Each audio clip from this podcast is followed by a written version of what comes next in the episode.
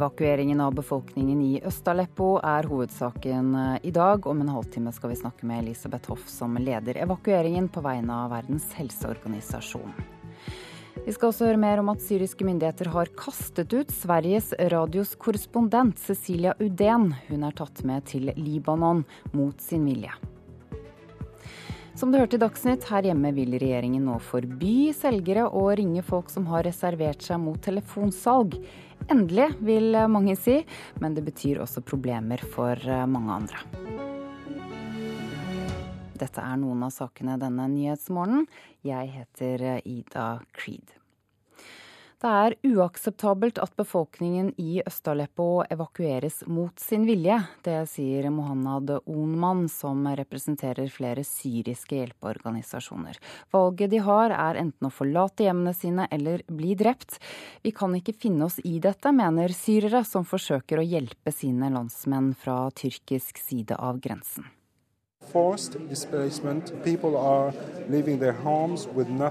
Folk tvinges til å forlate hjemmene sine i Øst-Aleppo nå. Det er en brutalitet vi knapt har sett siden annen verdenskrig, sier Mohammed Othman. Han er syrisk sivilingeniør, men nå jobber han for en av de mange syriske hjelpeorganisasjonene som har etablert seg i den tyrkiske byen Gaziantep, ikke langt fra grensen. I mean, Men er det ikke best for dem å bli evakuert etter å ha levd under grusomme forhold så lenge, spør jeg. But they have been left with no choice. Either, either leave or they are being killed. So people are leaving their homes against their will. De gis ikke annet valg enn å forlate huset sitt eller bli drept. Det er uakseptabelt. Dette er hjemmene deres, det er her de hører til, ikke alle vil tvinges bort, sier han. Mohammed Othman minner også om at kulda tar liv når folk må legge ut på vei til det ukjente. De som evakueres må finne slektninger eller noen de kjenner som kan gi dem husly vest i Aleppo. For dem som ikke kjenner noen, venter et telt i en allerede overfylt flyktningleir i minusgrader. Sivilingeniøren bor i Storbritannia, men da Syriakrigen utviklet seg, forlot han jobben og flyttet til Gaziantep for å jobbe for sine landsmenn.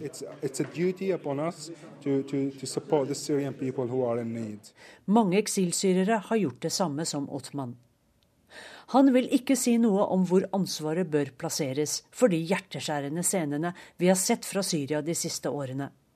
Vi må hjelpe, ikke dele ut skyld, sier han til NRK. Syriske demonstranter og aktivister ute i Gaziantep derimot peker ut syndebukker. Hassan Nasrallah fra Hizbollah, Assad og Putin og Iran. Det er de som gjør livet i Øst-Aleppo til et helvete, roper de syriske flyktningene nå bosatt i Tyrkia. Hind Kabawat er en av dem.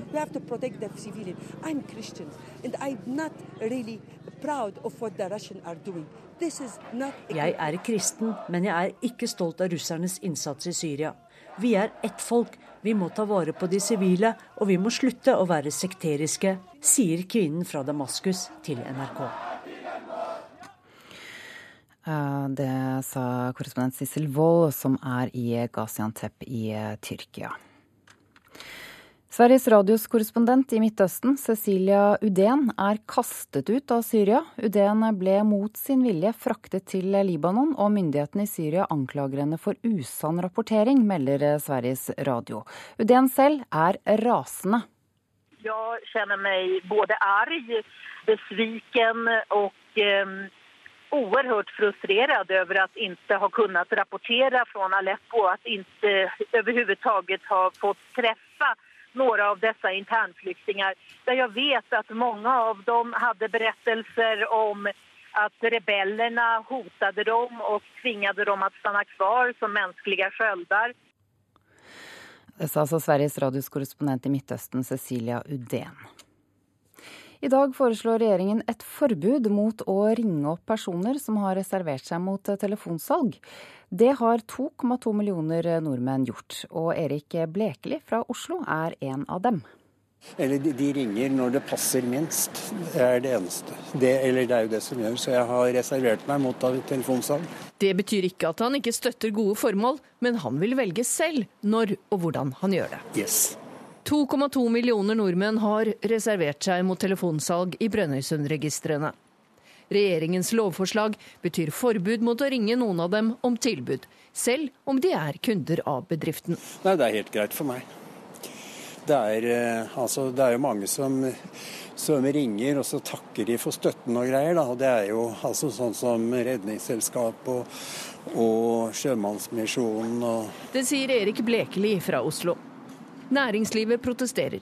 Bedriftene innvender bl.a. at titusenvis av telefonselgere vil rammes. Blant dem mange unge salgsspirer. Men telefonsalg topper klagestatistikken til Forbrukerombudet. Det syns jeg ikke noe om. Det verste som finnes. De bare ringer ut av ingen steder og plager en. Det, det er aldri noe jeg faktisk vil ha. Jeg syns det virker veldig påtrengende. Jeg klarer å finne informasjon og reklame på andre måter. Det jeg er interessert i. Det sier folk vi traff på gaten i Oslo i går. Derfor ønsker forbrukerombud Elisabeth Lier Haugseth strengere regler velkommen. Nå vil det være et forbud mot at man ringer opp folk som har reservert seg mot eh, telefonsalg. Og det vil være enten det er eksisterende eller ikke. Vi forventer at bransjen eh, forholder seg til de nye reglene. Og når folk har reservert seg mot telefonsalg, så kontakter de dem ikke. Og så er det jo viktig at folk tar kontakt med Forbrukerombudet eh, og klager på det hvis de likevel skulle bli, kontaktet. Og det går jeg ut ifra at du regner med, fordi telefonsalg det er klagetoppen. Aller øverst på pallen. Ja, det er det. Det er eh, den type klager vi får aller mest av hvert eneste år. Og det er altså over 1000 klager hvert eneste år. Ja, og På nrk.no kan du se hva du må gjøre hvis du ønsker færre selgere på tråden. Reporter var Hedvig Bjørgum. Barne- og likestillingsminister Solveig Horne, velkommen til Nyhetsmorgen. Takk. Hvorfor strammer dere inn nå? Som vi hørte i saken, så er det mange eh, som, kunder som blir oppringt av eh, telefonselgere, selv om de har reservert seg. Og Det topper eh, klagestatistikken, og det er noe som irriterer folk. Og Derfor ønsker vi at kunder som har tatt et aktivt valg, skal bli respektert, og ikke bli oppringt av telefonselgere. Dette kunne jo vært gjort for lenge siden. Hva har skjedd som øker behovet for å stramme inn? Det har vært eh, en innstramming for en del år siden, men vi har sett at likevel så har kunder som har reservert seg, blitt oppringt. Eh, det blir ikke respektert, og derfor er det viktig at vi strammer inn. Og dette er for at forbrukerne som har tatt et aktivt valg, skal bli respektert, og slippe å få de telefonselgerne. Næringslivet kan ta kontakt med SMS, de kan sende mailer, men det, når du har reservert seg, så skal du bli respektert og ikke bli oppringt. Når dere da innfører et forbud, hva vil det si egentlig? Det er at næringslivet må respektere når du har reservert deg. Eh, så får de nå en overgangsordning, slik at de kan innhente en, eh, en tillatelse fra den eksisterende kunden. Eh, vil, vi vil opprettholde det for frivillige organisasjoner, men vi vil gjøre det forbudt om å sende ferdig utfylte giroer som er fulgt ut både med sum og med dato. Og det blir heller ikke anledning for næringslivet å innhente samtykke fra flere andre eller ulike næringslivet som, som vi ser hvis du har vært med i en konkurranse på nett. Men hvilke sanksjoner har dere da hvis noen bryter dette forbudet? Nå har vi Forbrukerombudet som eh, skal håndheve den eh, markedsføringsloven.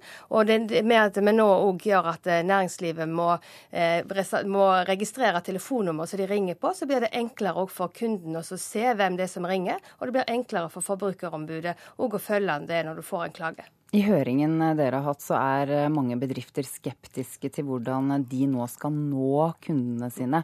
Hva sier du til dem? Næringslivet kan fremdeles ta kontakt både med SMS og med mail, eh, men de får en overgangsordning på et halvt år nå til å ta kontakt med de eksisterende kundene sine for å innhente tillatelse til at hvis kunden da ønsker likevel å bli oppringt. Men hvorfor kan ikke folk bare ta ansvar selv og si nei? Ja, men Det er akkurat det kunden gjør, for kundene har reservert seg i, eh, i, et register. Men det blir likevel ikke akseptert eh, av næringslivet. og Derfor er det viktig at de kundene som har aktivt tatt et valg og ikke ønsker å bli oppringt, at de skal bli respektert og slippe å ha telefonselgere på telefonen. Og dette tror dere kommer til å virke? Det håper vi. Eh, vi kommer til å følge det nøye, men det er i hvert fall en innstramming fra sånn som dagens regler er. Takk for at du kom hit, barne- og likestillingsminister Solveig Horne. Dette skriver avisene om i dag. Når norske juletradisjoner utfordres av humanetikere, er det muslimene som får skylden. Det skriver Vårt Land. Avisen har snakket med Layal Ayub, som sier hun knapt har møtt en muslim som har problemer med skolegudstjenester eller norske julesanger. Tusenvis av utenlandske arbeidstakere kan nå få fagutdanningen fra hjemlandet sitt godkjent her i landet. Det skriver Klassekampen. Endringen kan sikre dem høyere lønn og hindre sosial dumping. Foreløpig er det bare noen tyske og polske utdannelser som er kvalitetssikret, men listen blir stadig utvidet, og søknadene strømmer inn. Flere Uber-sjåfører har fått bot og er fratatt førerkortet av retten den siste tiden.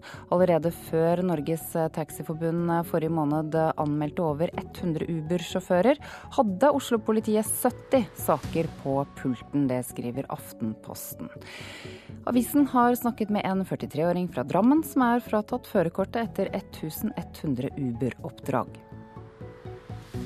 Dagbladet fokuserer på arv i dag. Avisen skriver at altfor mange tar det for gitt at de får mye, og det gjør at en del blir skuffet. Én av ti regner med arv på mer enn tre millioner kroner. I 2013 var gjennomsnittsarven på 1,3 millioner ifølge Statistisk sentralbyrå. Arveavgiftene ble jo fjernet i 2014, og da sluttet også SSB å lage statistikk over hvor mye nordmenn arver. Dagens Næringsliv eh, bretter ut en eh, skitten jobbskilsmisse på sin forside i dag. Det handler om to av Stavangers mest kjente eiendomsinvestorer. Krangling om hotellet Alstor, søksmål på millioner av kroner, ransaking og hemmelige lydopptak. Dagsavisen har intervjuet Nils Beck, som rørte mange skamseere med julesang. Musikeren hyller TV-seriens fremstilling av hvor vanskelig det kan være å fortelle venner at man er homofil. Avisen Nasjonen skriver om et fond som skal gi flere økologiske kornbønder. Et fond på ti millioner skal eh, ta bondens kostnad ved omlegging til økologisk produksjon. Og VG vier sin forside i dag til eh, sorgen til artisten Bettan. Hun forteller om eh, sin første jul uten ektemannen, som døde brått i sommer. Sport nå. Martine Forkad håper eh, det internasjonale skiskytterforbundet reagerer sterkt mot de 31 russiske skiskytterne som er nevnt i McLaren-rapporten om doping. Hvis ikke oppfordrer han konkurrentene til å droppe verdenscupen i skiskyting. Nok en gang for Kadd. Han la inn en bom der for spenningens skyld, men han er eh, først øverst på lista. Martin Fourcade vant torsdagens sprint i Nove Mesto. Fantastisk siste runde av eh, Fourcade igjen. Men like etter at han gikk over mål, var han opptatt av noe helt annet enn hans femte verdenscupseier for året. You know, 31 athletes is not like it's only one or two. It's 31 added to the 12 we had on the few past years in biathlon. And uh, I hope if my federation don't get uh, big balls enough to take the problem, uh, athletes have to Fourcade vil at Det internasjonale skiskytterforbundet skal komme med sterke reaksjoner mot de dopingmistenkte utøverne i den mye omtalte McLaren-rapporten, som avslørte omfattende statsstøtte doping i Russland.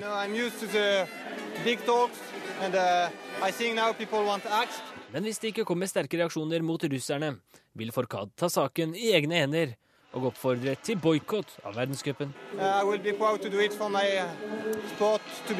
Russeren Anton Sjipolin, som kom på andreplass i Nove Mesto, synes det blir for strengt, og mener IBU, det internasjonale skiskytterforbundet, mangler bevis. Jeg håper reaksjonen blir rettferdig. Vi har sett nok McLaren-rapporter, men vi har ikke sett nok bevis som det de beskylder oss for. I tillegg håper jeg de ikke utestenger hele nasjonen fra mesterskap. Det internasjonale skiskytterforbundet vurderer å gjøre som i friidretten, utestenge russiske utøvere fra mesterskap. Det forslaget støtter Emil Hegle Svendsen og Johannes Tingnesbø.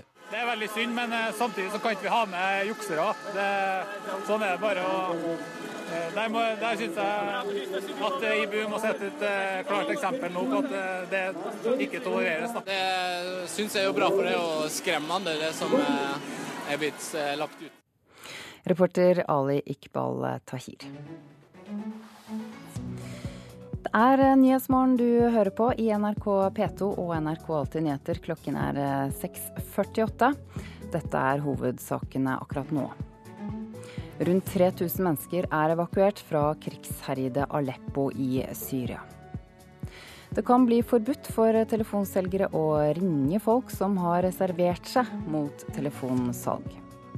Og suksessserien Skam har sin sesongavslutning i dag. Nå har også svenskene omfavnet ungdomsdrama. Det får du høre mer om om noen minutter. Men først. 120 tidligere elever og ansatte ved Varden skole i Bergen har meldt seg på en helseundersøkelse. De mener nemlig at plager de sliter med i dag, skyldes dårlig inneklima fra tiden på barneskolen. Helt siden 1990-tallet har elever meldt fra om at de ble syke av å gå på Varden, men årsaken til fuktproblemene ble ikke oppdaget før i vinter. Jeg begynte med å få mye allergier, der jeg klødde mye i øynene. Jeg hadde mye tette luftveier. Jeg sov veldig lite. Jeg fikk elveblest. Jeg hovnet masse opp om kvelden. Kristine Klemensen tenker tilbake på årene ved Varden barneskole i Bergen. 16-åringen har siden 5. klasse vært plaget med gjentatte luftveisinfeksjoner, allergier og astma. Familien mente tidlig at plagene skyldes det dårlige inneklimaet i klasserommet. For når jeg så opp rett over meg, så var det da grønne klumper i taket. Du skjønte jo at det ikke var så bra, det var litt oransje. Det var da jeg merket at da kunne jeg se det. Nå er hun en av 120 tidligere elever og ansatte som har meldt seg for kommunen. Det skal nå kartlegges om plagene disse sliter med i dag, har sammenheng med det dårlige inneklimaet på skolen. Vi har hittil fått inn 40 ansatte og 80 elever. Det sier kommunaldirektør i Bergen kommune, Robert Rastad. Siden 90-tallet meldte elever, foreldre og ansatte fra om dårlig inneluft. Det ble gjort oppgraderinger ved skolen, men problemene vedvarte. Først tidligere i år ble den endelige årsaken oppdaget. Da ble det funnet fuktskader i forbindelse med rehabilitering. I går var det frist for å melde fra til kommunen om helseplager man mener har oppstått som følge av det dårlige inneklimaet. Så Det viktigste for oss nå er at vi får tatt på alvor eh, de som ønsker å få en ordentlig sjekk. Hvor veien går videre, det må vi rett og slett ta stilling til når vi har fått inn resultatene fra disse helseundersøkelsene. Er det aktuelt for kommunen å betale erstatning dersom det blir påvist en sammenheng? Altså, Jeg vil ikke gå inn og si verken at det er naturlig eller ikke naturlig. For det, det viktigste nå er at vi rett og slett får kartlagt det. Nå skal ekstern helseekspertise gjøre undersøkelsene og kartlegge eventuell sammenheng mellom helseplager og dårlig inneklima. I høst gikk Bergen kommune ut og beklaget overfor tidligere elever og ansatte. I dag er Varden skole under oppussing og er ventet å stå ferdig neste sommer. Også flere av de som jobber på skolen i dag, har helseproblemer som de mener skyldes inneklimaet på skolen. Rektor Bjørg Vangen sier saken har vært en stor belastning for mange. Det er jo ikke noe gøy å stå midt oppi det. Det skaper jo mye uro i organisasjonen og bekymring for de elevene og de ansatte som er oppi det. Jeg håper jo at de som trenger hjelp, får det. At hvis det er skader som er relatert til inneklima, at det blir avdekka og at de føler seg godt ivaretatt. Jeg var litt bedre en periode, men nå har jeg blitt verre igjen. Så eh, jeg har fått nye medisiner. Kristine Klemensen går nå første året på videregående. Hun er fortsatt mye syk. 16-åringen synes det er surt å tenke på at plagene hun sliter med i dag, kan skyldes et elendig inneklima på skolen. Det er jo veldig, veldig, veldig dumt. Det er veldig frustrerende for meg. Reporter eh, Siri Løken. I dag slippes eh, siste klipp i eh, sesong tre av NRKs suksessserie Skam. Denne høsten har serien fått stor internasjonal oppmerksomhet, det har de fleste fått med seg. Konseptet er også solgt til flere land, senest USA. Og nå har også naboene våre i øst omfavnet ungdomsserien. Nå røyker vi en lek. Den heter Isak og Even nødt for minutt. Den går ut på at det eneste vi trenger å bekymre oss for, er det neste minuttet. I sesong tre har handlinga i Skam dreid seg rundt hovedpersonen Isak. Og mange lurer nok på hvordan det kommer til å gå med han og kjæresten Even i det siste klippet som kommer i dag. Det gjør de også i Sverige, hvor serien har blitt enormt populær. Konkurransen om de unge titterne er stenhård, men Skam er dramaserien som har fått tenåringer i hele Norden til å lære seg norskt ungdomslingo. Men nå skal vi tale om den umåtelig populære TV-serien Skam. Suksessserien Skam. Den norske suksess-TV-serien Skam nådde SVT Play i dag. Skam har nå kommet på Sveriges Televisjon sin nettspiller. Og i tillegg var nesten 200 000 unike svenske brukere innom NRK P3 sine nettsider forrige uke. Ei firedobling på bare de siste tre ukene. På SVT Play er det bare én serie som er mer populær enn Skam. Julkalenderen er den mest populære programmet online noensinne i Sverige. Og deretter så kommer Skam. Det sier Safa Safiari, som er kanalsjef for barn- og ungdomsinnhold i SVT. Så det er litt vanskelig å si eksakte tall, men det finnes jo ingen man prater med her i Sverige som ikke kjenner til eller sett Skam. Ifølge en undersøking analysebyrået Retriever har gjort for NRK, er det faktisk mer aktivitet på sosiale medier om Skam i Sverige og Danmark enn i Norge. Så populær har serien faktisk blitt at SVT måtte legge ut sesong to før de hadde planlagt. Og vi hadde jo tenkt å sende sesong to ett avsnitt per uke, og sende det i januari. Men vi fikk, etter det trykket som fanns på sesong ett, så fikk vi publisere sesong to redan etter to uker og med hele sesongen. Sandra Veibro, som er redaktør for Nøyesbladet i svenske Aftonbladet, tror at det allmenne og ekte ved Skam er det som har gjort at den har slått så godt an i Sverige. Jeg tror at man kjenner igjen det rett vel. Jeg tror at mange even eldre, kjenner igjen seg i saker man opplevde under tonårene. Den kjennes liksom relevant og realistisk eh, nå, Eh, samtidig som det er noe romantisk og litt rolig over det också.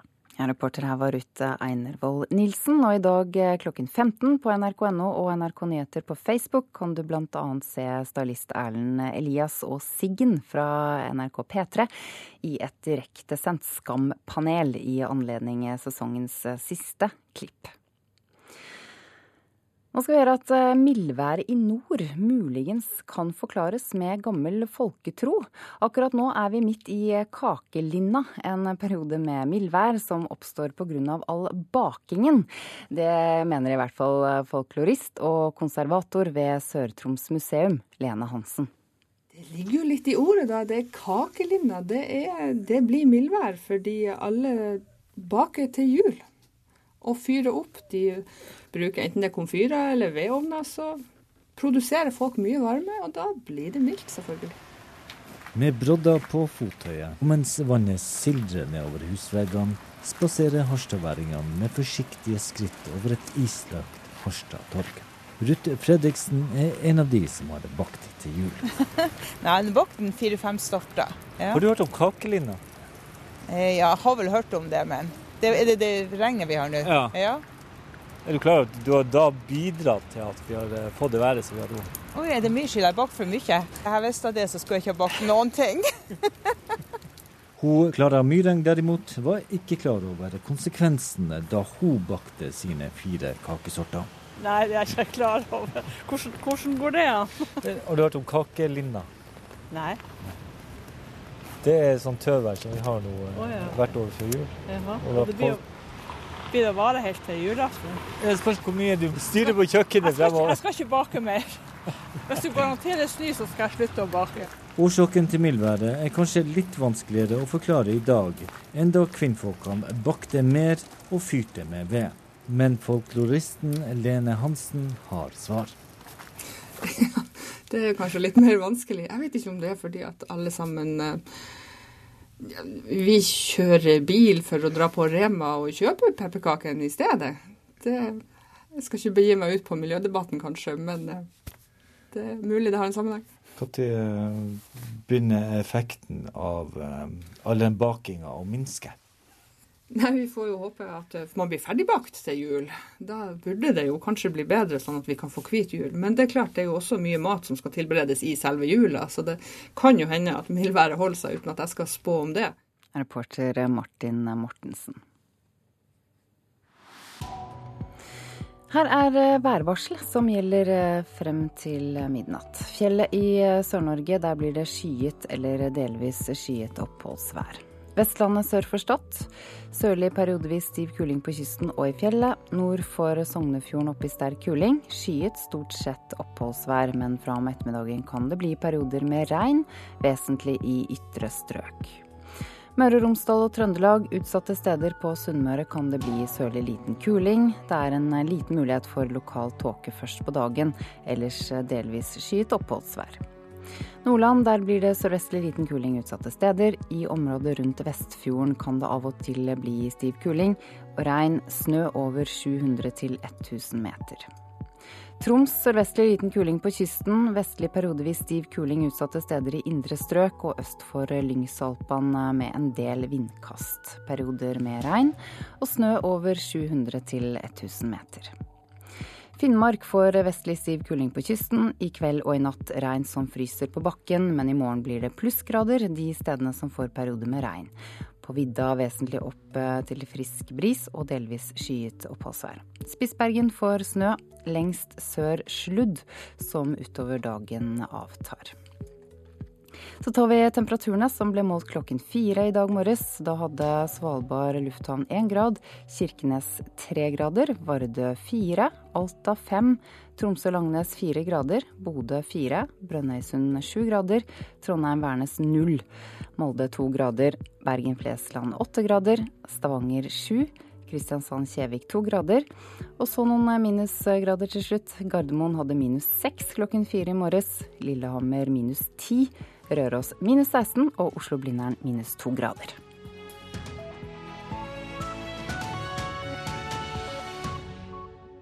NRK P2.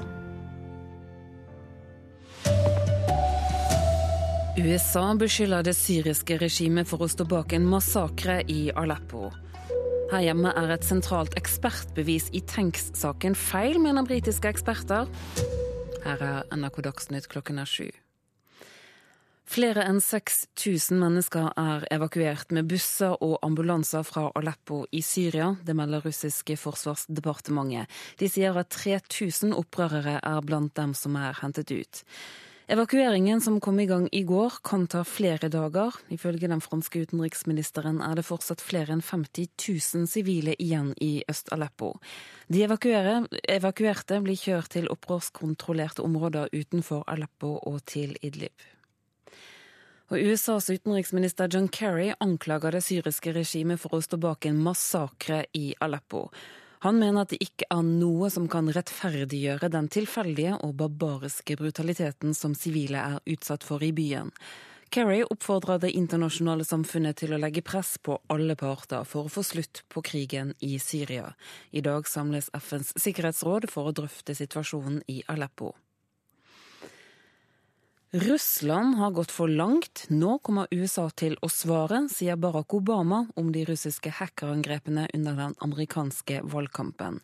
Obama sier USA kommer til å iverksette tiltak mot Russland, men vil ikke utdype når eller hvordan. En britisk ekspert mener at det ble brukt et annet slagvåpen enn stein da Birgitte Tengs ble drept på Karmøy i 1995. Det kommer fram i en rapport NRK NRK har fått innsyn i deler av. 17-åringen døde av betydelige hodeskader, og politiet har i alle år antatt at stein har vært drapsvåpenet, noe som også stemte med tilståelsen til fetteren som først ble dømt, og så frifunnet for drapet. Vi har nå fått uttalelser fra engelske patologer som går på at skadene som er påført Birgitte, ikke er forenlig med det den såkalte tilståelsen beskriver. Privatetterforsker Grete Strømme tok initiativ til å få sendt fotografier av alle skadene Birgitte hadde, til eksperter i England. En patolog ved Axiom International har nylig vurdert skadene, og NRK har fått se deler av rapporten. Han mener at skadene i hodet er forårsaka av et objekt med en flat stump og runda flate, eksempelvis en hammer. Altså er de engelske ekspertene helt uenige med obdusentene. Privatetterforskeren mener det som var et sentralt ekspertbevis i saken, er feil. Dette er svært alvorlig fordi dette er brukt som et bevis for fetterens skyld. Og Verken politiet eller Kripos ønsker å kommentere saken. Reporter var Cecilie Berntsen Jåsund. NRK Dagsnytt var ved Turi Grønbekk. Nyhetsmorgen fortsetter i NRK P2 Alltid nyheter med disse sakene. Vi har brukt 6000 milliarder dollar i Midtøsten til ingen nytte.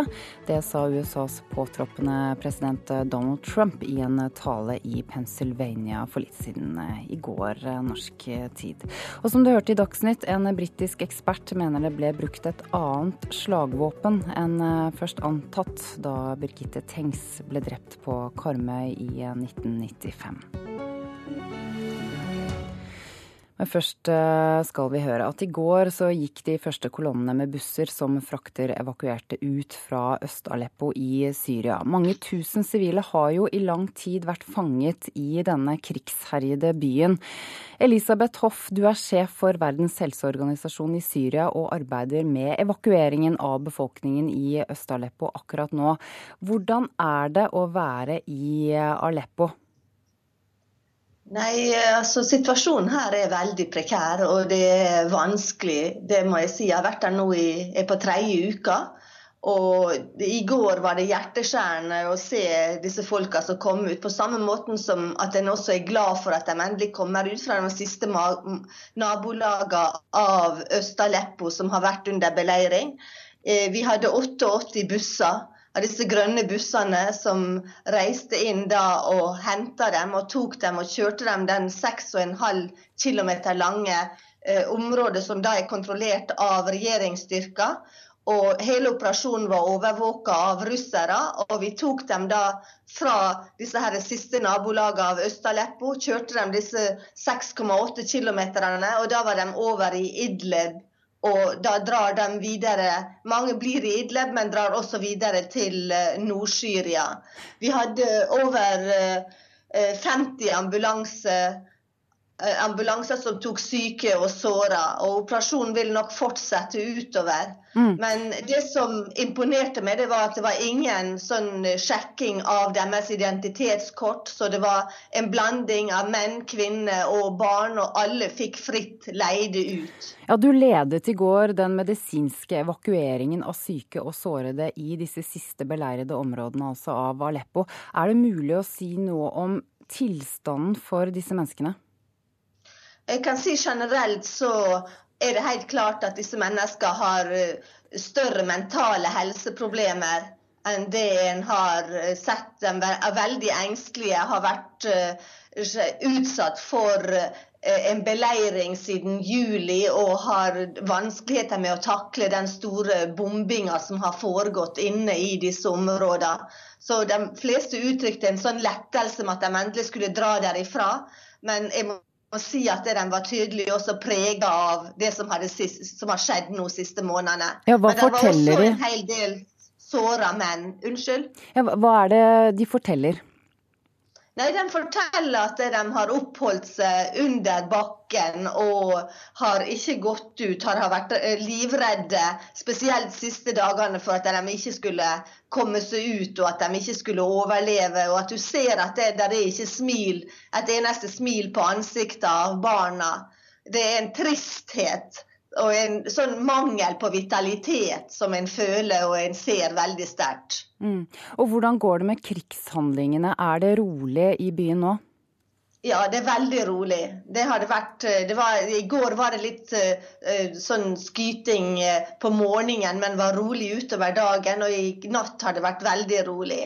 Men det jeg må si som slår en mest, enten en er inne for disse evakueringene, men også her i gamlebyen nå, som er også overtatt av regjeringsstyrker, er den fattigdommen som en ser. Altså, folk bor i ruiner, og det er like kaldt som i Norge. Altså, det var to grader her i morges klokka syv. Hva er det de trenger aller mest nå? De trenger husly, de som er kommet ut. Det er nesten 100 000 mennesker som er kommet ut. De trenger husly, de trenger eh, vann og medisiner og bli ettersett.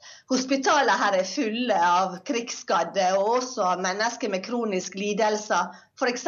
sånn som sukkersyke, som de ikke har hatt mulighet til å følge opp på på mange måneder. Så situasjonen er virkelig prekær. Du representerer altså Verdens helseorganisasjon. Hva er WHO eh, og verdenssamfunnets eh, viktigste oppgave overfor disse menneskene nå fremover, mener du? Det er først og fremst å beskytte dem og sørge for at de kommer i trygghet. Og også at eh, syke og såra får den hjelp og behandling de skal ha. Vi har fått opp eh, mer enn 13 forsyninger bare over de siste dagene fra Damaskus til 300 000 medisinske behandlinger for å være sikker på at eh, vi kan gi den behandlinga som trengs. Det er fem fungerende hospital, og de er like full med pasienter fra øst Aleppo, som var tidligere beleira, så de er fra pasienter med området her. De har slutta å ta inn elektive behandlinger, altså sånn vanlige rutinebehandlinger. Så de tar kun inn akuttbehandlinger nå på sykehusene. Og de har også fått private sykehus til å støtte opp og kunne behandle alle som trenger det. Så på den sida er det ganske imponerende, syns jeg, sånn som folk står på. Og også folk her åpner hjemmene sine for å ta inn eh, dem som kommer fra andre sida. Så det, det, må jeg si at det, det syriske folket er utrolig sjenerøse og imponerende, også med folk som de ikke kjenner og er slekt med. Tusen takk for at du tok deg tid til å være med her i Nyhetsmorgen. Elisabeth Hoff, eh, sjef for Verdens helseorganisasjon i Syria, som akkurat nå arbeider med evakueringen av befolkningen i Øst-Aleppo. Da skal vi til USA. Vi har brukt 6000 milliarder dollar i Midtøsten til ingen nytte. Det sa USAs påtroppende president Donald Trump i en eh, tale i Pennsylvania i går. Han nevnte ikke krisen i Aleppo med ett ord, og kom med nye utfall mot dem som forsvarer globalt samarbeid. There's no such thing as a global anthem, a global currency or a global flag. Do we love our flag? Do we love our flag? Det finnes ikke noen global nasjonalsang, en global valuta eller et globalt flagg, sa Donald Trump da han snakket til sine velgere i Hershey, Pennsylvania i går kveld. People talk about how we're living in a globalized world, but the relationships people value most are local. Trumps budskap er klart. De som snakker om en globalisert verden, tar feil. Det folk setter høyest, er det lokale, familien, byen og landet. Til stor jubel satte han bygging av broer, veier og jernbaner opp mot det han omtalte som de siste 15 årenes pengesløsing i Midtøsten. Trolig inkluderte han også Afghanistan i samme slengen. We've spent, as of two weeks ago, six trillion dollars in the Middle East. For to uker siden hadde vi brukt seks trillioner dollar i Midtøsten. Vi kunne ha gjenoppbygd landet vårt tre ganger for den summen, sa Trump. Seks trillioner dollar er nær 51 000 milliarder kroner. De flere tusen frammøtte svarte med patriotiske tilrop. Trump, som sier han ikke har behov for daglige brifinger fra etterretningen, nevnte heller ikke i går situasjonen i Aleppo. Det han sa om Syria, handlet om å skaffe penger fra Gulfstatene.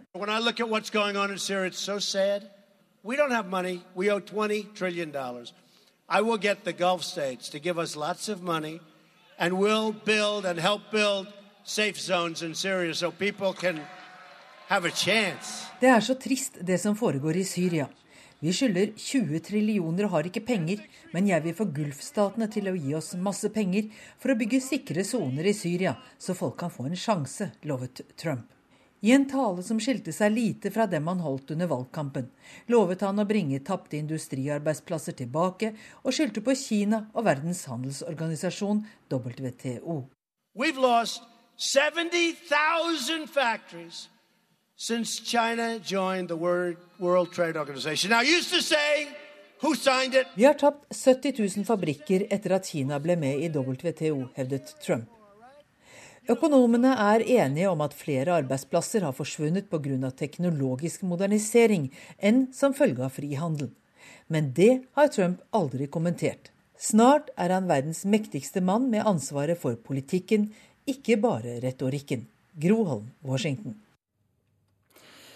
Skal vi hjem igjen og høre at et eh, sentralt ekspertbevis i eh, Birgitte Tengs-saken er feil, mener britiske eksperter. Dette kommer frem i en delrapport fra England som NRK har fått eh, innsyn i deler av. Birgitte Tengs ble drept på Karmøy i 1995. 17-åringen døde av betydelige hodeskader, og politiet har i alle år antatt at stein har vært drapsvåpenet, noe som også stemte med fetterens tilståelse. Birgitte Tengs hadde store hodeskader da hun ble funnet drept i nærheten av hjemmet sitt på Karmøy i 1995. Politiet og obdusenter har i alle år meint at 17-åringen ble drept med stein, eller at hodet ble dunka hardt mot bakken. Vi har nå fått uttalelser fra engelske patologer eh, som går på at skadene som er påført Birgitte, ikke er forenlig med det den såkalte tilståelsen beskriver. Privatetterforsker Grete Strømme tok initiativ til å få sendt fotografier av alle skadene Birgitte hadde, til eksperter i England. En patolog ved Axiom International har nylig vurdert skadene, og NRK har fått se deler av rapporten. Han mener at skadene i hodet er forårsaka av et objekt med en flat stump og runda flate, eksempelvis en hammer. Altså er de engelske ekspertene helt uenige med obdusentene. God formiddag, og igjen velkommen til denne pressekonferansen i anledning Birgitte Tengs-saken. I forrige uke innkalte Kripos og politiet til pressekonferanse og hadde følgende beskjed. Vi anbefaler en ny etterforskning av saken. Det sa leder i Cold Case-gruppa Espen Erdal. Etter vår vurdering er konkrete etterforskningsskritt som bør følges opp, Verken Kripos eller politiet ønsker å kommentere ekspertvurderingen fra England i dag, men politiet opplyser likevel på generelt grunnlag at alt som er med på å belyse saken er interessant. Privatetterforskeren mener det som var et sentralt ekspertbevis i saken, er feil. Dette er svært alvorlig fordi dette er brukt som et bevis for fetterens skyld i alle rettssaker mot fetteren og i erstatningssaker etter at han ble frifunnet. Reporter Cecilie Berntsen Jåsund. Klokken er 7.15 ehm, akkurat der. Det er Nyhetsmorgen du hører på. Dette er hovedsakene nå. Flere tusen sivile som har vært fanget i den krigsherjede byen Aleppo, er nå reddet ut. Elisabeth Hoff, som leder evakueringen på vegne av Verdens helseorganisasjon, sier det meste går som planlagt, men at befolkningen er svært traumatiserte. Russland har gått for langt, og nå kommer USA til å svare. Det sier Barack Obama om de russiske dataangrepene under den amerikanske valgkampen. Som du akkurat hørte, en britisk ekspert mener det ble brukt et annet slagvåpen enn stein da Birgitte Tengs ble drept på Karmøy i 1995. Det er uansvarlig å sende folk tilbake til Somalia, mener en ekspert som frykter Norge kan bidra til mer ustabilitet i landet. For første gang tilbakekaller Norge statusen til somaliske flyktninger som kom til Norge for mer enn tre år siden. Statssekretær i Justisdepartementet Vidar Brein Karlsen sier dette er innstramninger Stortinget har stilt seg bak. Stortinget har jo også sagt seg enig i at vi eh, gjør dette grepet. Altså, Internasjonal beskyttelse mot eh, krig og forfølgelse har en midlertidig karakter. Regjeringen har i en instruks gitt Utlendingsdirektoratet beskjed om å vurdere om 1600 somaliere med midlertidig opphold i Norge skal miste sin flyktningstatus. 120 har allerede fått varsel, flere risikerer dermed å bli tvangssendt til Somalia. Forskningssjef ved Institutt for fredsforskning PRIO, Cindy Horst, har forsket på flyktningsituasjonen i Somalia i over 20 år. Hun mener det ikke er trygt å sende folk tilbake nå. Eh, det er ikke trygt for de individuer som skal bli returnert, og det er heller ikke uh, lurt å gjøre det nå fordi det er store konsekvenser for Somalia. Men norske myndigheter er av en annen oppfatning og mener situasjonen i hovedstaden Mogadishu er forbedret etter at islamistene fra Al Shabaab trakk seg ut av byen i 2012. Dersom Norge og flere andre europeiske land nå starter å returnere, kan det føre til at krigen i landet blusser opp på nytt, sier Horst. Det er ikke noe rettssystem til å eh, beskytte folk. Det er ikke politi som kan gjøre det de skal i, i andre stater. Eh, så det kan bidra til mer konflikt, og i verste fall også eh, fortsatt ustabilitet og krig. Ja. Hun får støtte av FNs høykommissær for flyktninger, som i et brev til regjeringen anbefaler Norge å ikke frata somaliere flyktningstatusen, eller å returnere folk til Mogadishu eller andre områder av landet som FN mener er ustabile. Brein Karlsen avviser at regjeringen ikke lytter til innspill. Jo, vi lytter til alle som har en mening om uh, vårt eh, felt. Og Vi uh, har kommet til at det er riktig å uh, trekke tilbake beskyttelse for de som ikke lenger har et beskyttelsesbehov. En politikkendring som får støtte på Stortinget som følge av asylforliket i desember i fjor. Lul Hassan Kulmiye representerer den internasjonale organisasjonen Global Somali Diaspora.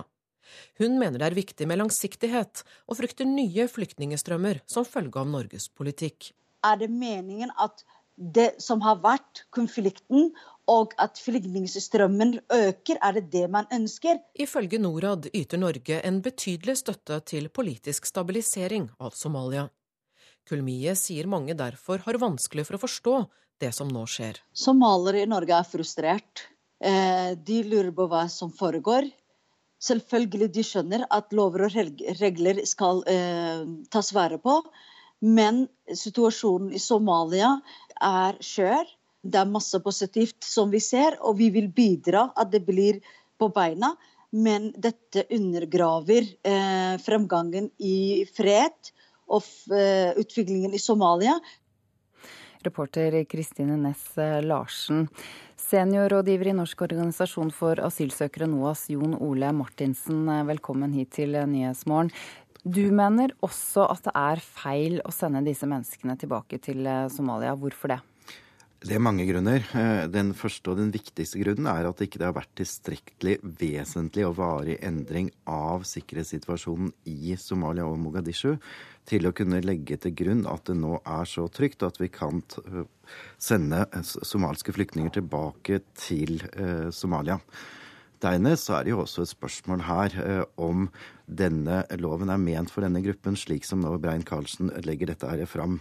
Fordi at eh, hvis man ser på eh, bestemmelsen, så dreier dette seg om altså opphør av flyktningstatus og ikke tilbakekall av flyktningstatus. Og det er en rekke kriterier som skal oppfylles, som vi mener ikke oppfylles eh, per se i forhold til denne gruppen. Hvilke kriterier er det?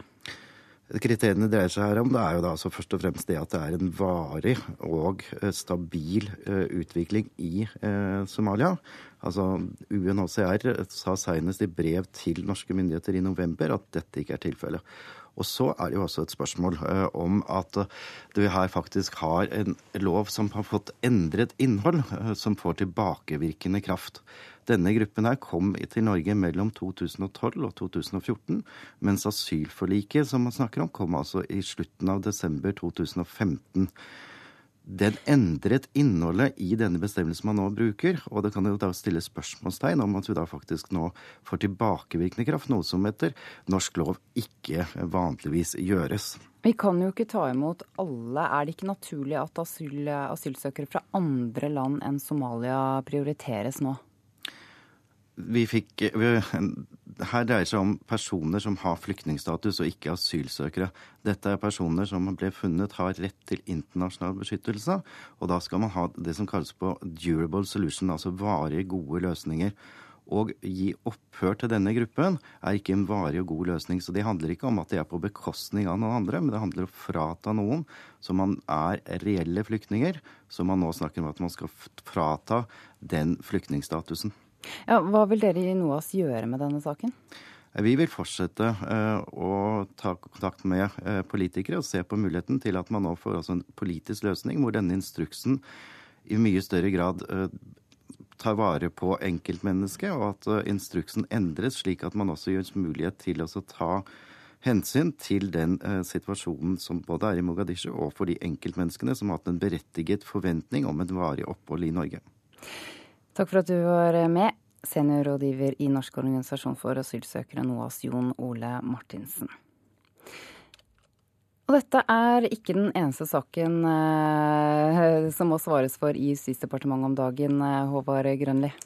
Nei, det skal bli mer uh, i Politisk kvarter, for i dag er det ett år siden Sylvi Listhaug gikk av som landbruksminister og gikk over til Justisdepartementet som innvandrings- og integreringsminister. Og siden det så har det jo knapt vært stille et øyeblikk. Det siste som har skapt eh, veldig engasjement nå, er jo Listhaugs innsamlingsaksjon til den kristne organisasjonen Åpne dører. Og nok en gang så møter hun reaksjoner for retorikken sin. Men det blir vel ikke bare retorikk? Vi tar også den politiske diskusjonen om alderstesting av asylsøkere. Listhaug møter SVs eh, Karin Andersen til debatt om det. I Politisk kvarter klokken 7.45 på denne kanalen. Da er vi klare for avisrunden. Når norske juletradisjoner utfordres av humanetikere, er det muslimene som får skylden, skriver Vårt Land. Avisen har snakket med Layal Ayub, som sier hun knapt har møtt en muslim som har problemer med skolegudstjenester eller julesanger. Tusenvis av utenlandske arbeidstakere kan nå få fagutdanningen fra hjemlandet godkjent i Norge. Det skriver Klassekampen. Endringen kan sikre dem høyere lønn og hindre sosial dumping. Foreløpig er det bare noen tyske og noen polske utdannelser som er kvalitetssikret, men listen blir stadig utvidet, og søknadene strømmer inn. Flere Uber-sjåfører har fått bot og er fratatt eh, førerkortet av retten den siste tiden. Allerede før Norges Taxiforbund forrige måned anmeldte over 100 Uber-sjåfører, hadde Oslo-politiet 70 saker på pulten. Det skriver Aftenposten på sin forside i dag. Avisen har snakket med en 43-åring fra Drammen som er fratatt førerkortet etter 1100 Uber-oppdrag, og han er ikke særlig fornøyd. Dagbladet fokuserer på arv i dag. Avisen skriver at altfor mange tar det for gitt at de får mye penger, og det gjør at en del blir skuffet. Én av ti regner med arv på mer enn tre millioner kroner. I 2013 var gjennomsnittsarven på 1,3 millioner ifølge Statistisk sentralbyrå. Arveavgiften ble jo fjernet i 2014, og da sluttet også SSB å lage statistikk over hvor mye nordmenn arver. Dagens Næringsliv bretter ut en skitten jobbskilsmisse på sin forside. Det handler om to av Stavangers mest kjente eiendomsinvestorer. Krangling om hotellet Alstor. Søksmål på millioner av kroner, ransaking og hemmelige opptak. Lydopptak, altså. Dagsavisen har intervjuet Nils Beck, som rørte Skam-seerne med julesang. Musikeren hyller TV-seriens fremstilling av hvor vanskelig det kan være å fortelle venner at man er homofil. Avisen Nasjonen skriver om et fond som skal gi flere økologiske kornbønder. Et fond eh, skal ta bondens kostnad ved omlegging til økologisk produksjon. Og VG bruker sin forside i dag til sorgen til artisten Bettan. Hun forteller om sin første jul uten ektemannen, som døde i sommer.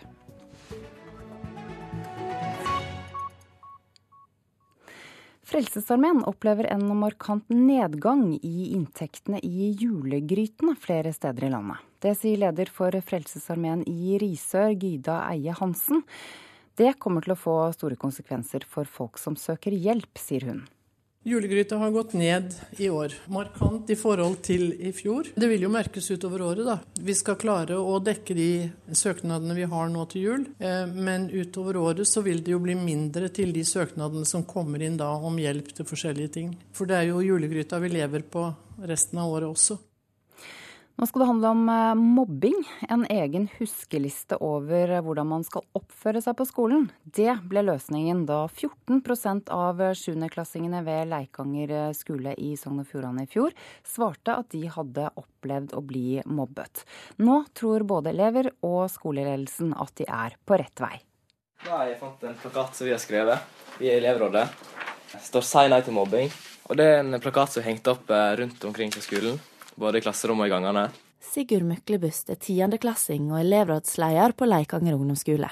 Der viste elevundersøkelsen fra i fjor at 14% av sjuendeklassingene har opplevd å bli mobba.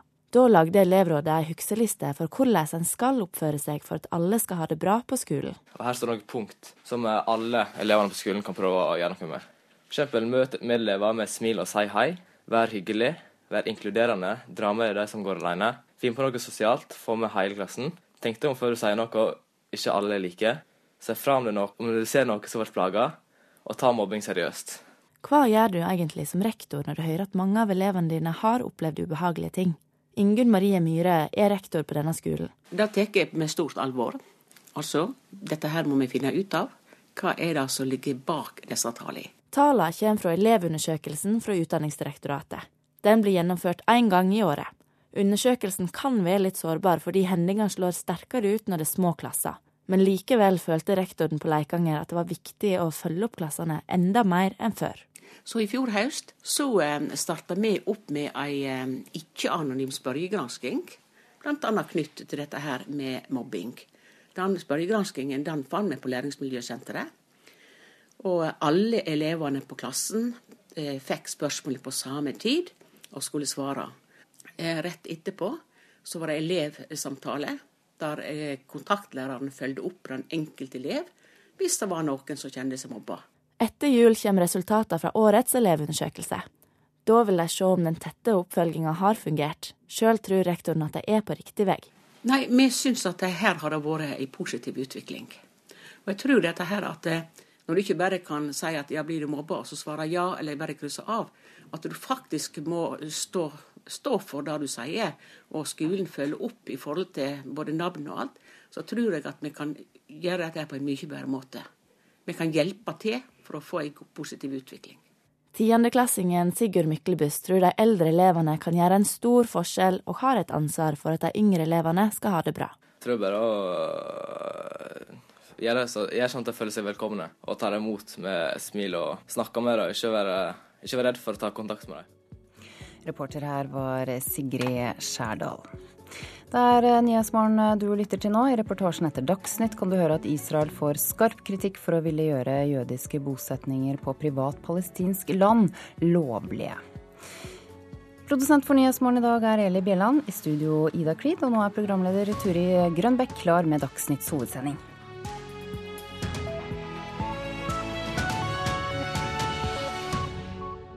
NRK P2. Våpenhvilen i Aleppo holder, til nå er over 6000 personer evakuert. Norsk flyktningpolitikk kan bidra til nye flyktningstrømmer. Og det kan bli forbudt for selgere å ringe folk som har reservert seg mot telefonsalg. Her er NRK Dagsnytt klokken er 7.30. Vi starter sendingen i Syria, der flere tusen mennesker er evakuert med busser og ambulanser fra Øst-Aleppo. Evakueringen den fortsetter i dag, og utenriksmedarbeider Sigurd Falkenberg Mikkelsen, hva er det siste fra Aleppo nå? Den gode nyheten er jo at eh, våpenhvilen rapporteres å holde. Vi har ikke fått noen meldinger om eh, brudd på den.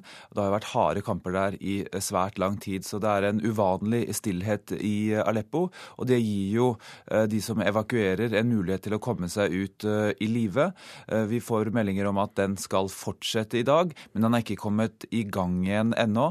Og det kan tyde på at sivile der inne allerede står i kø for å vente på disse bussene, men vi vet ennå ikke helt hvordan dette foregår i Eh, praksis. Men antagelig vil det være litt som i går, eh, nemlig at bussene etter hvert kommer inn, og også da ambulanser for å ta ut de syke. En av dem som jobber med evakueringen av befolkningen i Øst-Aleppo, det er Elisabeth Hoff. Hun er sjef for Verdens helseorganisasjon i Syria, og hun sier at det er hjerteskjærende å møte de sivile forteller at de har oppholdt seg under bakken og har ikke gått ut. Har vært livredde, spesielt de siste dagene, for at de ikke skulle komme seg ut og at de ikke skulle overleve. Og at du ser at det der er ikke smil, et eneste smil på ansiktet av barna. Det er en tristhet og en sånn mangel på vitalitet som en føler og en ser veldig sterkt. Sigurd Falkenberg Mikkelsen, det er mange som har vært fanget i Aleppo over lang tid. Vet vi hvor lang tid det kommer til å ta å få dem ut? Det kommer litt an på de væpnede styrkene. Altså, Når de er borte, så vil det jo ikke være noen eh, snakk om å evakuere over frontlinjer lenger. og Da vil det kunne gå fort, og da trenger man heller ikke uh, all denne dette praktiske tiltakene som gjøres rundt det. men hvis de blir værende, så kan det ta flere dager. ifølge Staffan de Mistura, FNs spesialutsending, så er det jo faktisk rundt 50 000 mennesker fortsatt igjen inne i denne lille opprørskontrollerte enklaven inne i byen. Sigurd Falkenberg Mikkelsen, takk skal du ha.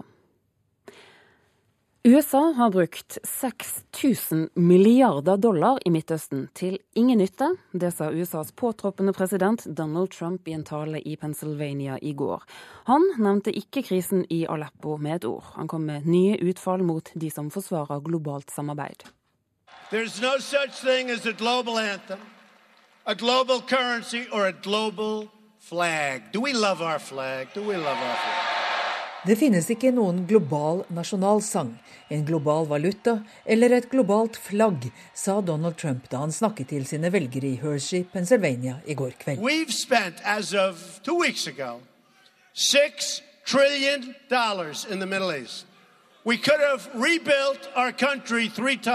Trump, som sier han ikke har behov for daglige brifinger fra etterretningen, nevnte heller ikke i går situasjonen i Aleppo. Det han sa om Syria, handlet om å skaffe penger fra Gulfstatene.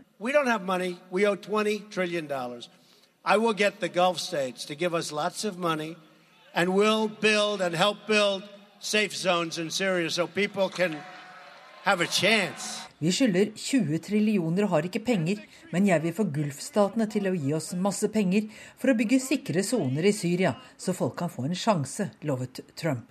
I en tale som skilte seg lite fra dem han holdt under valgkampen, lovet han å bringe tapte industriarbeidsplasser tilbake, og skyldte på Kina og Verdens handelsorganisasjon, WTO. We've lost 70,000 factories since China joined the World Trade Organization. Vi har tapt 70 000 fabrikker etter at Kina ble med i WTO, hevdet Trump. Økonomene er enige om at flere arbeidsplasser har forsvunnet pga. teknologisk modernisering enn som følge av frihandel. Men det har Trump aldri kommentert. Groholm, Washington.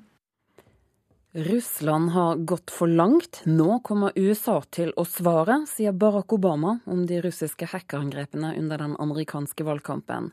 Obama sier at USA kommer til å iverksette tiltak mot Russland, men han vil ikke utdype når eller hvordan. Det er uansvarlig å sende folk tilbake til Somalia, det mener ekspert, som frykter at Norge vil bidra til mer ustabilitet i landet. For første gang tilbakekaller Norge statusen til somaliske flyktninger som kom til Norge for mer enn tre år siden. Statssekretær i Justisdepartementet, Vidar Brein-Karlsen, sier at dette er innstramninger Stortinget har stilt seg bak. Stortinget har jo også sagt seg enig i at vi eh, gjør dette grepet. Altså, internasjonal beskyttelse mot eh, krig og forfølgelse har en midlertidig karakter. Regjeringen har i en instruks gitt Utlendingsdirektoratet beskjed om å vurdere om 1600 somaliere med midlertidig opphold i Norge skal miste sin flyktningstatus. 120 har allerede fått varsel. Flere risikerer dermed å bli tvangssendt til Somalia. Forskningssjef ved Institutt for fredsforskning, PRIO, Cindy Horst, mener det ikke er trygt å sende folk tilbake nå. Eh, det er ikke trygt for de individuer som skal bli returnert, og det er heller ikke uh, lurt å gjøre det nå fordi det er store konsekvenser for Somalia. Men norske myndigheter er av en annen oppfatning, og mener situasjonen i hovedstaden Mogadishu er forbedret etter at islamistene fra Al Shabaab trakk seg ut av byen i 2012. Dersom Norge og flere andre europeiske land nå starter å returnere, kan det føre til at krigen i landet blusser opp på nytt, sier Horst. Det kan jo bidra til veldig mye mer ustabilitet. Så jeg, skulle, jeg tenker at det må vente i hvert fall til eh, institusjonene er på plass og myndigheter har kontroll over hele Sør-Somalia. Horst peker på at norske myndigheter har investert mye for at Somalia skal bli stabilt. Vidar Brein-Karlsen i Justisdepartementet sier det ikke er aktuelt for regjeringen å endre politikk. Det er veldig mange som er på flukt allerede. Og det vil altså si at de som, eh, som ikke lenger har et behov, de må reise hjem. Reporteren var Kristine Næss Larsen. Det bør bli forbudt å ringe opp personer som har reservert seg mot telefonsalg. Det mener regjeringen, for hvert år klager tusenvis av nordmenn på telefonsalg. Det syns jeg ikke noe om det verste som finnes. De bare ringer ut av ingen steder og plager en. Det, det, er aldri noe jeg faktisk vil ha. Jeg syns det virker veldig påtrengende. Jeg klarer å finne informasjon og reklame på andre måter. Det jeg er interessert i. Det sier folk vi traff på gaten i Oslo i går. Men uønskede telefonoppringninger kommer ofte på feil tid også. Det sier Erik Blekeli fra Oslo. De ringer når det passer minst. Det er det eneste. Så jeg har reservert meg mot telefonsalg. Det betyr ikke at han ikke støtter gode formål, men han vil velge selv når og hvordan han gjør det. Yes. 2,2 millioner nordmenn har reservert seg mot telefonsalg i Brønnøysundregistrene. Regjeringens lovforslag betyr forbud mot å ringe noen av dem om tilbud, selv om de er kunder av bedriften. Næringslivet protesterer. Bedriftene innvender bl.a. at titusenvis av telefonselgere vil rammes. Blant dem mange unge salgsspirer. Men telefonsalg topper klagestatistikken til Forbrukerombudet. Derfor ønsker forbrukerombud Elisabeth Lier Haugseth strengere regler velkommen. Ja, vi, for, vi, forventer at bransjen eh, forholder seg til de nye reglene. Og når folk har reservert seg mot telefonsalg, så kontakter de dem ikke. Og så er det jo viktig at folk tar kontakt med Forbrukerombudet og klager på det hvis de likevel skulle bli kontaktet. Og på nrk.no kan du se hva du må gjøre dersom du ønsker færre selgere på tråden. Reporter var Hedvig Bjørgum. Kongens nei er nå ett skritt nærmere en Oscar-nominasjon i kategorien beste fremmedspråklige film. Regissør Erik Poppes film er nemlig havnet på en kortliste på ni kandidater. Filmen var den siste som kom med i betraktning, og det er nesten ingen som har sett den, så Poppe innrømmer at han var spent på hvordan akademiet ville reagere. Altså Det som skjedde i akademiet under visningen som vi hadde nå bare for tre dager siden, det var at Eh, filmen, altså akademiets medlemmer som satt der. Eh, for ja, det skjer nesten aldri.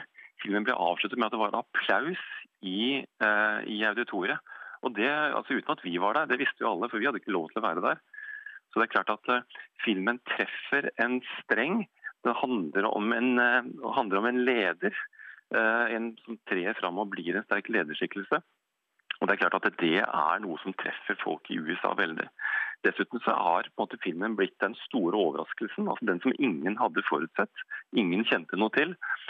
Så både med den applausen og med de reaksjonene vi nå fikk, så skjønner vi at uh, vi har en, uh, en, film som på mange måter er relevant for flere enn folk her hjemme i Norge. Og som sier noe mer universelt enn uh, sånn sett bare vår, den historien vi kjenner. Det sa Erik Poppe. Ansvarlig for NRK Dagsnytt det er Arild Svalbjørg. Her i studio Turi Grønbekk.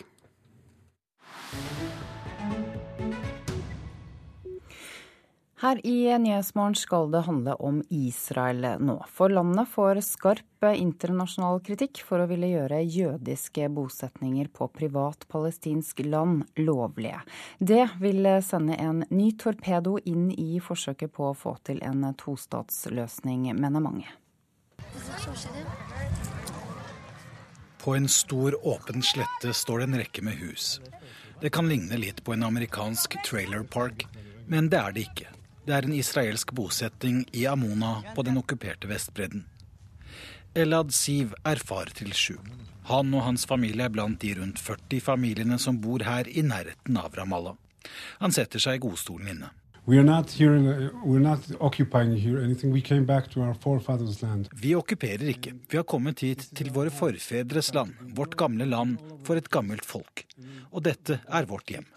Vi prøvde å være i Europa. Vi har vært overalt. Vi har blitt sparket ut, voldtatt og massakrert overalt. Dette er vårt land, og vi har ikke noe annet sted å dra.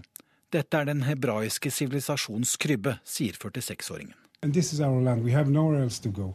This is the cradle of the Hebrew uh, civilization. Amona er bygget på land som var i privat palestinsk eie.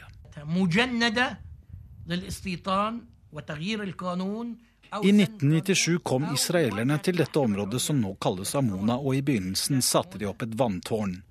De sa det var den eneste måten man kunne forsyne nabolandsbyen Ofra med vann.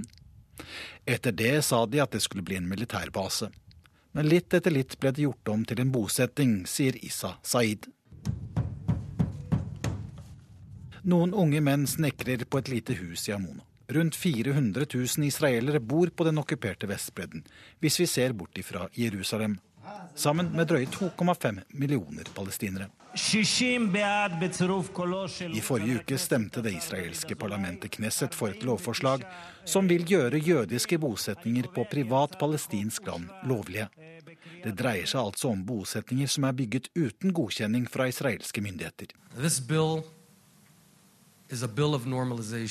Lovforslaget handler om å få lovverket i tråd med virkeligheten og endelig si til bosetterne at de ikke lenger er annenrangs borgere, sier utdanningsminister Naftali Bennett. Dersom loven blir endelig vedtatt, vil det frata palestinerne råderett over egen eiendom. Og det vil legalisere minst 4000 boliger på den okkuperte Vestbredden, ifølge Peace Now. FN ber Israel snu. Alle palestinske bosetninger er ulovlige under internasjonal lov, og er sett på som et viktig hinder for å få til fred og en tostatsløsning, ifølge FN.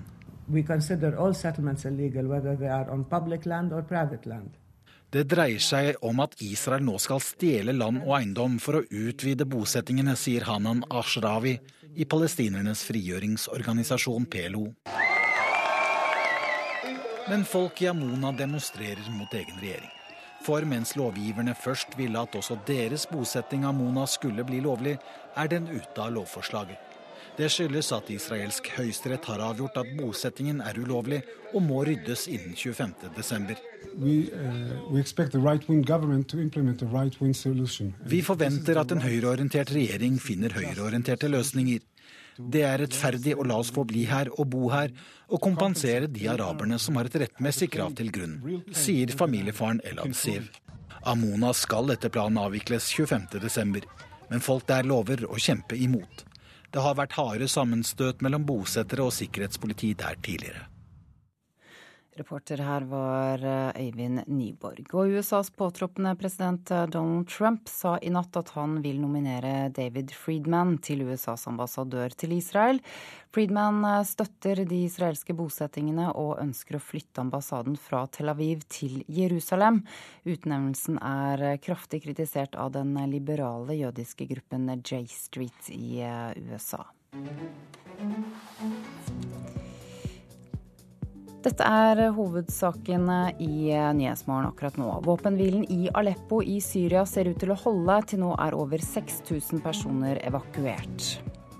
Norsk flyktningpolitikk kan bidra til nye flyktningstrømmer, mener NOAS. Og første gang tilbakekaller Norge statusen til somaliske flyktninger som kom til Norge for mer enn tre år siden. Nå er det klart for Politisk kvarter. Programleder i dag er Håvard Grønli.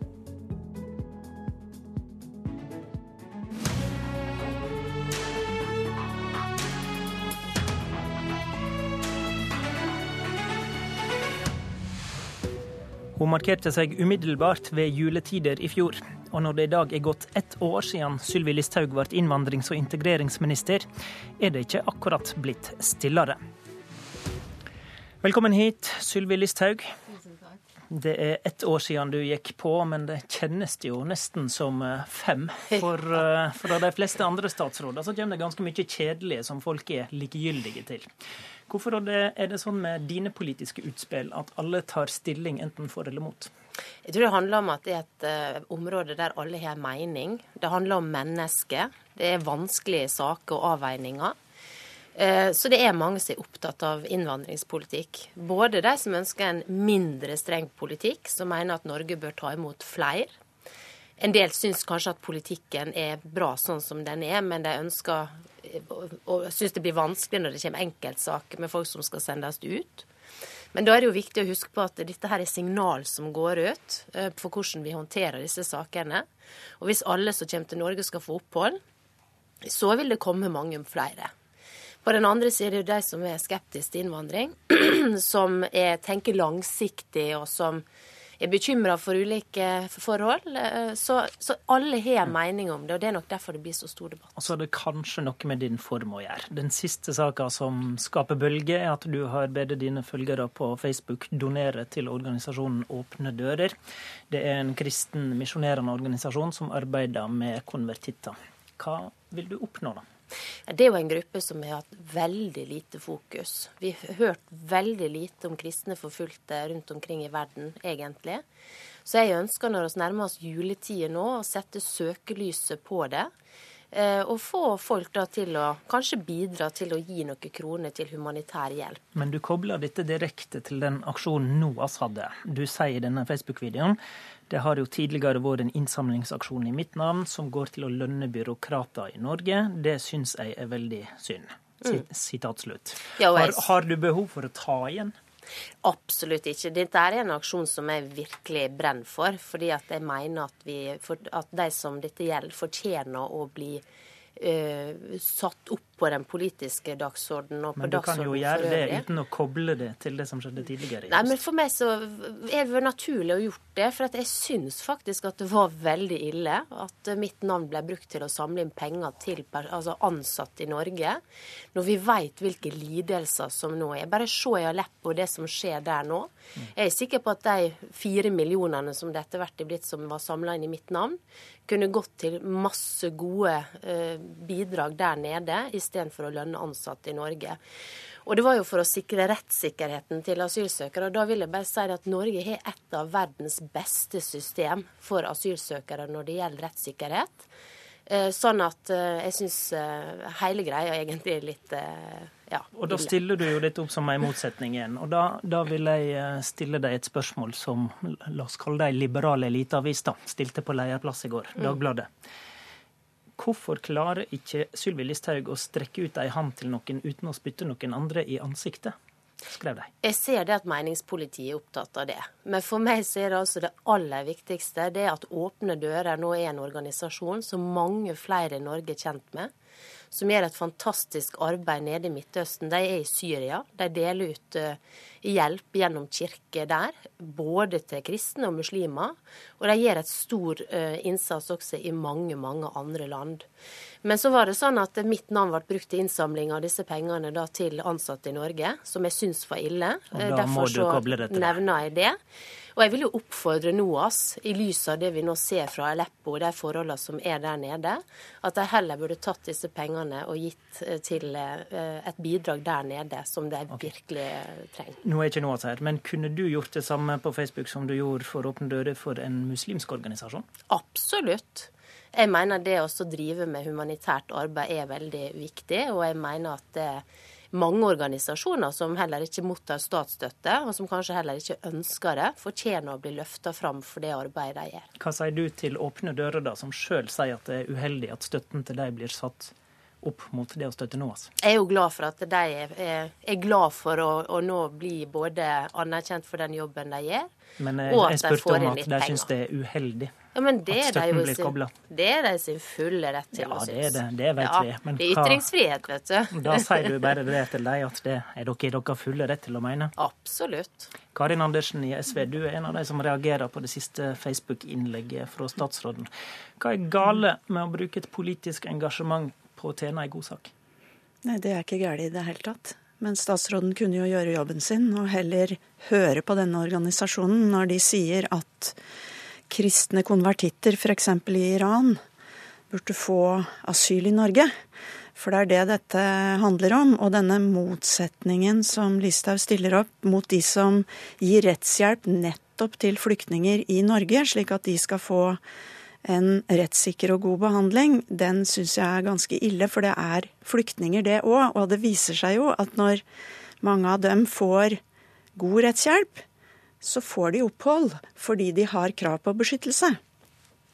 Nei, altså for, for, vårt vedkommende så var det viktig nå å løfte opp denne organisasjonen. Og jeg mener at Norge har et av verdens beste system innenfor asylområdet. At rettssikkerheten gjennomgående er veldig god.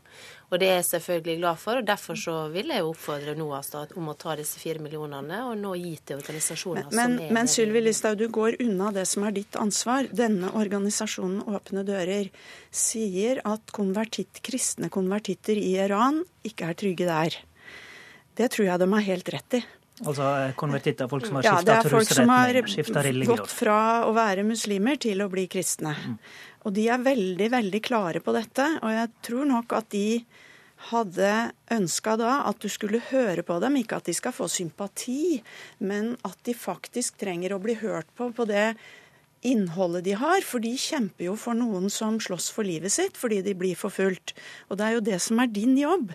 Som minister, er jo å sikre at de som trenger beskyttelse, får det. Og nå har de fortalt deg at disse menneskene her, de trenger beskyttelse, for det får de ikke dit de blir sendt tilbake. Nå tror jeg Karin Andersen vet veldig godt at det er ikke statsråden eller regjeringa som sitter og bestemmer hvilke land som er trygge eller ikke trygge. Det har du mulighet til å påvirke. Det har vi et eget apparat som gjør. Sånn skal det være. Det som vi imidlertid har gjort, er jo å styrke nå eh, saksbehandlingsrutinene rundt konvertittsaker ved at man kan ha med eh, personer inn eh, dersom UNE finner det nødvendig. Skal... Det eh, kommer ikke til å gjøre noen forskjell, for her er det vurderingen av hvilke land som er trygge, som gjelder. Og der har eh, statsråden nå ganske stor instruksjonsmyndighet, og hun kan i hvert fall påvirke dette. Jeg stopper, jeg stopper den runden der. Vi skal holde fram med, med rettstrygghet, men, men skifter litt tema. For i Stortinget i går gjorde SV og Venstre et nytt forsøk på å få slutt på dagens eh, omdiskuterte medisinske alderstesting av mindreårige asylsøkere. Testinga foregår med røntgen av tenner og hender, og har vært mye omtalt bl.a. i VG, fordi legen som gjør dette for UDI, har fått kritikk fra Legeetisk råd. Metoden blir da brukt til å bestemme om enslige asylsøkere er over eller under 18 år, og kan være avgjørende for om unge asylsøkere får bli, eller må reise ut, f.eks. til Afghanistan. Andersen, Hvorfor er dere så kritiske til denne alderstestinga? Fordi det ikke er eh, Altså, den er veldig usikker. Det er jo ikke bare Legeetisk råd som er kritisk til denne legen og hvordan det er brukt. Legeforeningen er kritisk til hele testen. Barnelegeforeningen anbefaler sine medlemmer ikke å delta inn. Så dette er jo en medisinsk helt klar advaring nå. Og det eh, hadde jo gått an hvis det blei lagt mindre vekt på den enn det det gjøres i dag. Og da eh, Fordi den er så usikker. Eh, ok, Så du vil ikke ha den helt bort, altså? Problemet her er jo eh, Bare, bare jeg det. Vil du ha den helt bort, eller bare at det Nei, blir lagt skal, mindre vekt på den? Nå skal altså eh, Folkehelseinstituttet overta dette her. Og de sliter veldig med det. Og det er veldig farlig å legge sånn vekt på dem. Så det vi har foreslått nå, er jo at de som på grunnlag av denne testen her nå skulle sendes ut, at de sakene må stilles i bero inntil vi får en bedre vurdering. Ok, Det skal ha null vekt i en periode, da? Ja, i en periode inntil vi får gått gjennom dette. For denne testen er altså, for å si det sånn, medisinsk ikke forsvarlig. Og det er det som er problemet. Men problemet her òg, jeg må få si det, for det er dette kombinert med andre ting. For det første så sa statsråden at disse testene alltid kom disse til gode. Det andre er at vi nå ser at rettssikkerhetssituasjonen altså hvis, hvis, det var tvil, er poenget ditt, så skulle Det stemmer jo ikke med tallene. Det andre er at rettssikkerheten nå er vanskelig for disse. Det kan jeg komme tilbake til hvorfor. Og det siste er jo at nå har man altså vurdert Afghanistan som trygg og fjerna rimelighetsvilkåret. Det betyr at denne utslaget av denne testen blir at veldig veldig mange flere blir sendt ut. Og vi kan ikke risikere å sende ut noen som er okay. barn. Listhaug, kjenner du deg 100% trygg på at folk som blir erklært som voksne ved hjelp av en omstridt metode, faktisk er voksne? Altså, det er ingen tvil om at disse testene er ikke er optimale, men det er de beste testene som finnes. Det er de testene som alle land som driver med dette her, så langt jeg kjenner til, bruker. Så er jo problemet med Karin Andersen sin politikk at uh, hun da ønsker seg tilbake nærmest der Sverige er og skal bort ifra. Nemlig til at han ikke har brukt tester. Og det ansatte på mottak der borte har sagt, er at man har sett folk i slutten av 20-åra som påstår de er under 18, som da bor sammen med unge barn. Det er jo svært uheldig ja, for disse barna. Andersen tar det. Vi, eh, og det er svært uheldig at folk kan lure seg til opphold når man man egentlig er voksen. Ja, vi vet at ja, mange lyver på alder. Har, derfor har man prøvd å finne ulike måter å gjøre det på. Og vi sier ikke at man ikke må gjøre det, for det er helt riktig. Men det er feil når du sier at vi vil fjerne alt dette. Vi vil stille dette i bero. Vent, vent nå. Vi vil stille det i bero inntil vi Det som Folkehelseinstituttet sier, at vi må finne noen metoder som er bedre, fordi her er risikoen for å gjøre feil for stor. Det var jo nå en sånn test der lillebror blei storebror. Og da, eh, da, er det jo mange andre ting som også teller. Du sier noen sitter på mottak og sier at folk er 30 år. Ja, vi bør høre mer på de som er i kontakt med disse barna, eller ungdommene, eller om det nå er voksne. For de har nok en større mulighet til å bedømme dette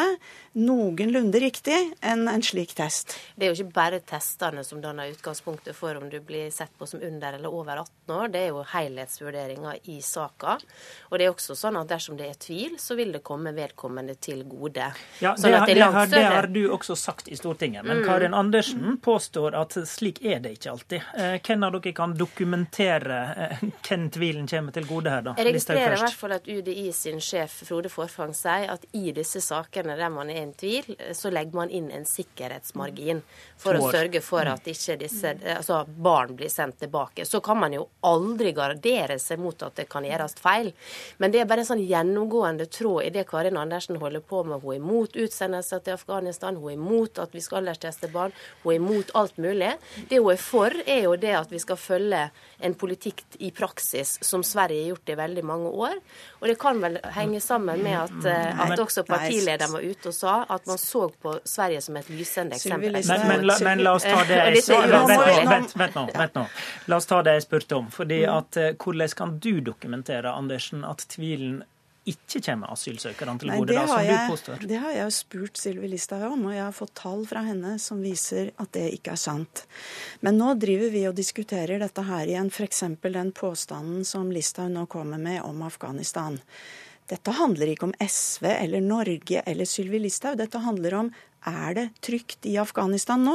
Og der sier UNHCR at en del av disse unge gutta som vi sender tilbake igjen nå, de blir rekruttert til Taliban eller til krigsherrene. Det er alvorlig, og hvis dette er barn, så er det ekstremt alvorlig. Og der vurderer altså alle andre europeiske land dette annerledes enn Norge. Så der det, handler det ikke om min hva jeg mener og syns. Dette handler om er det farlig i Afghanistan eller ikke. Og Landinfos ja, la, la, ulike rapporter sier ulike ting. De som får beskyttelse i Norge, skal vi ta godt vare på og integrere. De som får avslag, de skal sendes ut. Og heldigvis så er ikke det sånn at det er FNs høykommissær som styrer norsk asylpolitikk. Det er ikke det nå. Det var det heller ikke når de i regjering satt og styrte. Eh, så er det mange gode innspill de kommer som vi også tar ad notam. Men dette er noe som ligger utafor min kontroll. Det er altså UDI og UNE som tar stilling til hvilke land som er trygge, basert på informasjon som Landinfo bl.a. innhenter. Og Da har jeg tiltro til at dette systemet fungerer. Hvis vi skulle fulgt denne resonnementet som nå mange er ute og sier, at alle barn skal få bli f.eks., så vil det medføre stor asyltilstrømning fra Afghanistan av barnefamilier. Okay. fordi man ser at man har en gratisbillett til å være i Norge. Vi er nødt til å beskytte barn som trenger beskyttelse i, eh, på flukt og i krig. Og jeg er veldig usikker på om Norge gjør det nå. Takk til Karin Andersen. Takk til Sylvi Listhaug. Det blir jul i studio. Håvard Grønli. Hør flere podkaster på nrk.no podkast.